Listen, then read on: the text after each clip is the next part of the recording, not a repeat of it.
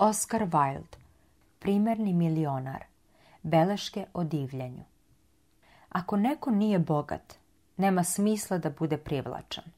Romantika je privilegija bogatih, a ne zanimanje nezaposlenih. Siromah treba da bude praktičan i prozaičan. Bolje je imati stalan prihod nego biti neodoljiv. Ovo su velike istine modernog života koje Huey Eskin nikad nije shvatao jadnih joj. U intelektualnom smislu treba priznati nikad nije bio od velikog značaja. Nikad u svom životu nije izrekao ništa blistavo, pa čak ni zajedljivo, ali je zato bio izvanredno lep, kovrđave kose čisto izvajanog profila i sivkastih očiju. Bio je podjednako omiljen kako kod muškaraca, tako i kod žena, svestrano obrazovan, znao je sve izuzev kako da zarađuje novac.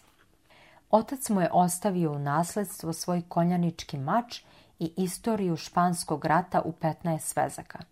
Huey je sablju obesio iznad ogledala, a knjige stavio na policu između rofovog vodiča i Bejlijevog magazina i živeo od 200 funti godišnje koje mu je davala jedna stara tetka. Pokušao je sve – Šest mjeseci je igrao na berzi, ali šta je leptir među bikovima i medvedima? Nešto duže je bio trgovac čajem, ali su ga Peko i Sušong brzo zamorili. Zatim je pokušao da prodaje opojni šeri i to nije išlo. Šeri je bio malo preopor. Najzad nije bio ništa. Divan, zaludan mladić, savršenog profila i bez zanimanja da bi zlo bilo veće, bio je zaljubljen. Devojka koju je voleo bila je Laura Merton, kći pukovnika u penziji, koji je u Indiji izgubio dobro raspoloženje i dobro varenje i više ih nikad nije povratio. Laura je obožavala Hugha, a on je bio spreman da ljubi vezice na njenim cipelama. Bili su najlepši par u Londonu, a nisu imali ni prebijene pare. Pukovnik je mnogo voleo Hughija, ali o veritbi nije hteo ni da čuje. Dođi, mladiću, kad budeš imao deset hiljada funti svoga novca, pa ćemo onda vidjeti, imao je običaj da kaže. A Huey je bio vrlo mrzovoljan tih dana i odlazio je Lauri da ga teši. Jednog jutra na putu za Holland Park, gde su Mertonovi živeli, svratio je da posjeti svog dobrog prijatelja Alena Trevora – Trevor je bio slikar. Istina, malo ljudi danas izbegnu da to ne budu. Ali on je bio i umetnik, a umetnici su prilično redki. Po spoljašnjosti je bio čudno grub momak, pegava lica i riđe čupave brade. Međutim, s kičicom u ruci bio je pravi majstor i slike su mu bile mnogo tražene. Huey ga je veoma privlačio. U početku mora se priznati samo zbog spoljašnjeg šarma. Imao je običaj da kaže da jedini ljudi koje treba jedan slikar da poznaje jesu oni koji su glupi i lepi, ljudi koje je umetničko uživanje gledati, a s njima razgovarati intelektualni odmor. Kicoši i ljubke žene vladaju svetom, ili bi bar trebalo da vladaju. Ali kad je bolje upoznao Hjuija, zavoleo ga je isto toliko i zbog njegovog bistrog, živahnog duha i plemenite, bezbrižne prirode i dozvolio mu je stalan pristup u svoja atelje. Kad je Huey ušao, zatekao je Trevora kako završava jednu izvanrednu sliku prosjeka u prirodnoj veličini. Sam prosjek stajao je na uzdignutom postolju u uglu ateljeja. Bio je to usahnuo starac, lica kao smežurani pergament i veoma žalosnog izraza. Preko ramena mu je bio prebačen grub, mrko grtač sav u ritama i krpama. Teške cipele su mu bile sve u zakrpama. Jednom rukom se oslanjao na grub štap, dok je u drugoj držao pohaban šešir proseći milostinju. Kakav zapanjujući model, prošaputa Huey dok se rukovao sa prijateljem. Zapanjujući model, povika Trevori sve glasa. Tako je, prosjaci kao što je on, nesreću se svaki dan. Otkriće prijatelju živi Velasquez. Boga mu, kakvu bi sliku Rebrant napravio. Jadni starac, reče Huey, kako nesrećan izgleda. Ali pretpostavljam da je za vas slikare njegovo lice pravo bogatstvo. Svakako odgovori Trevor. Nećeš tražiti da jedan prosjak izgleda srećan. Koliko model dobije za poziranje? Zapita Huey pošto se udobno smestio na divan. Šiling na sat.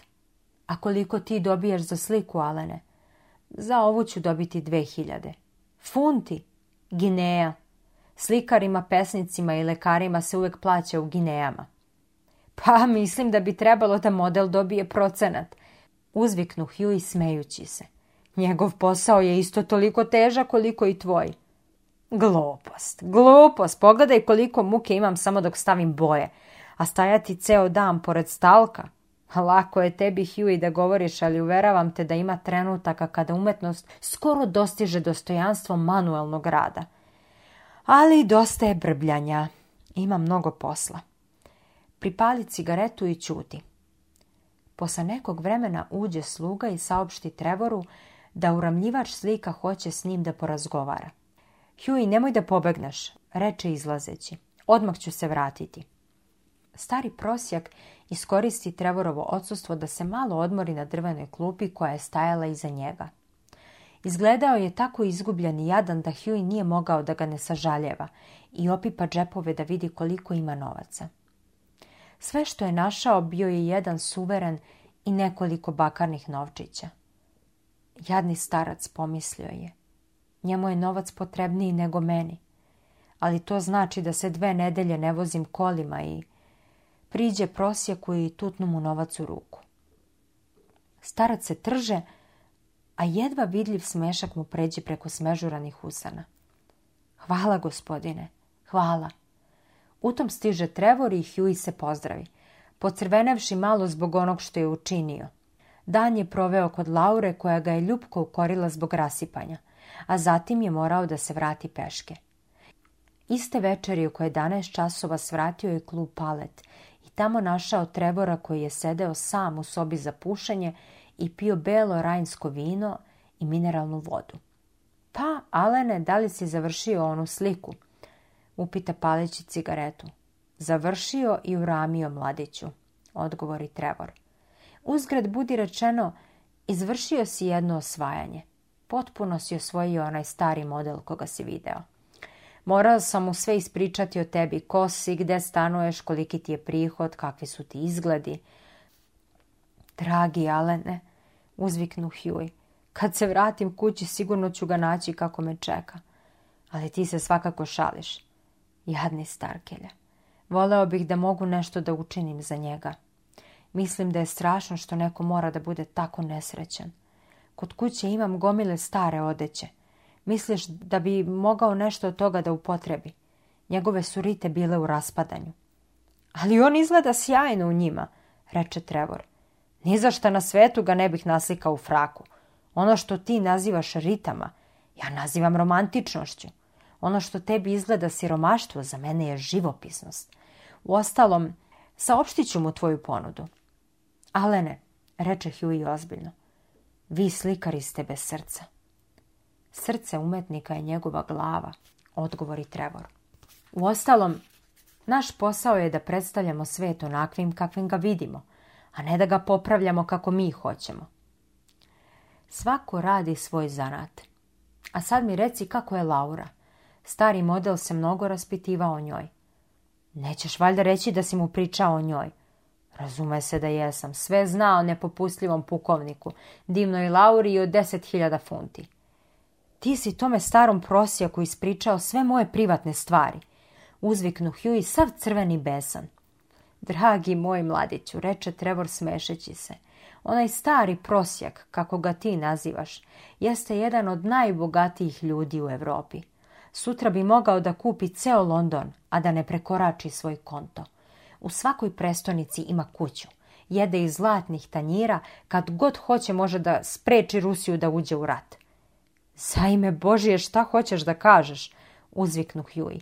Ono što kažem, reče Trevor. Čovek koga si danas video u ateljevu jeste baron Hausberg. On je moj dobar prijatelj. Kupuje sve moje slike i tome slično. A pre mesec dana mi je dao nalog da ga naslikam kao prosjaka. Šta bih teo? Čud milionera. I moram reći da je veličanstveno izgledao u svojim ritama. Ili je možda tačnije reći u mojim ritama – to je jedno staro delo koje sam kupio u Španiji. Baron Hausberg, uzviknu Huey. Blagi Bože, ja sam mu dao suveren. I sruši se u fotelju. Prava slika preneraženosti. Dao si mu suveren, uzviknu Trevor i pršte u smeh. Dragi moj mladiću, nikad ga više nećeš vidjeti. Njegov posao je tuđi novac. ne. Mislim da si mi to mogao kazati, reče Huey zlovoljno, a ne da dopustiš da pravim takvu budalu od sebe. Pa, pre svega, Huey, nikad mi nije palo na pamet da ti ideš okolo i tako bezbrižno deliš milostinju. Mogao bih da razumem da si poljubio neki lep model, ali da daješ suveren jednom ružnom, to boga mi ne. Osim toga, činjenica je da u stvari nisam danas bio kod kuće ni za koga – a kad si ti došao nisam znao da li bi Hausbergu bilo po volji da spomenem njegovo ime. Znaš i sam da nije bio propisno obučen. Za kakvog li me zvekana smatra? reče Huey. Ni u kom slučaju. Posle tvog odlaska bio je odlično raspoložen. Prigušeno se smejao i trljao stare smežurane ruke. Nisam mogao da shvatim zašto ga je toliko zanimalo da sazna sve o tebi, ali sad shvatam. Uložit će tvoj suveren Huey na tvoje ime. Platit će ti interes svakih šest mjeseci i imat će izvrsnu priču koju će pričati posle večere. Ja sam džavolski nesrećan, progunđa Huey. Najbolje će biti da idem na spavanje. A ti, dragi Alene, nemoj to da pričaš nikome. Ne bih smeo da se pokažem na šetalištu. Glupost! Tu se ogleda tvoj filantropski duh u najpovoljnijem svetlu. I nemoj da bežiš. Zapali još jednu cigaretu i možeš da pričaš o Lauri koliko god hoćeš. Ali Huey nije hteo da ostane, već ode kući vrlo nesrećan, ostavljajući Alena Trevora u napadima smeha. Sutradan ujutru dok je bio za doručkom sluga mu donese posjetnicu na kojoj je pisalo gospodin Gistavno Den, de Parde, gospodin barona Hausberga. Pretpostavljam da je došao po izvinjenje pomisli Huey i naredi sluzi da uvede posetioca. U sobu uđe jedan stari gospodin sa zlatnim naočarima i sedom kosom i reče sa lakim francuskim naglaskom. Imam li čas da razgovaram sa gospodinom Erskinom? Huey se pokloni. Dolazim od barona Hausberga, produži on. Baron, molim vas gospodine da mu prenesete moje najiskrenije izvinjenje, promuca Huey. Baron, reče stari gospodin kroz smešak, me je ovlastio da predam ovo pismo i pruži mu zapečaćen omot. Na omotu je pisalo svadbeni poklon Hughju Erskinu i Lauri Merton od jednog starog prosjaka, a unutra je bio ček na 10.000 funti. Kad su se venčali, Alan Trevor je bio dever, a baron je održao govor na svadbenom ručku. Milioneri modeli su prilično redki primetio je Alan, ali boga mi, primerni milioneri su još reći.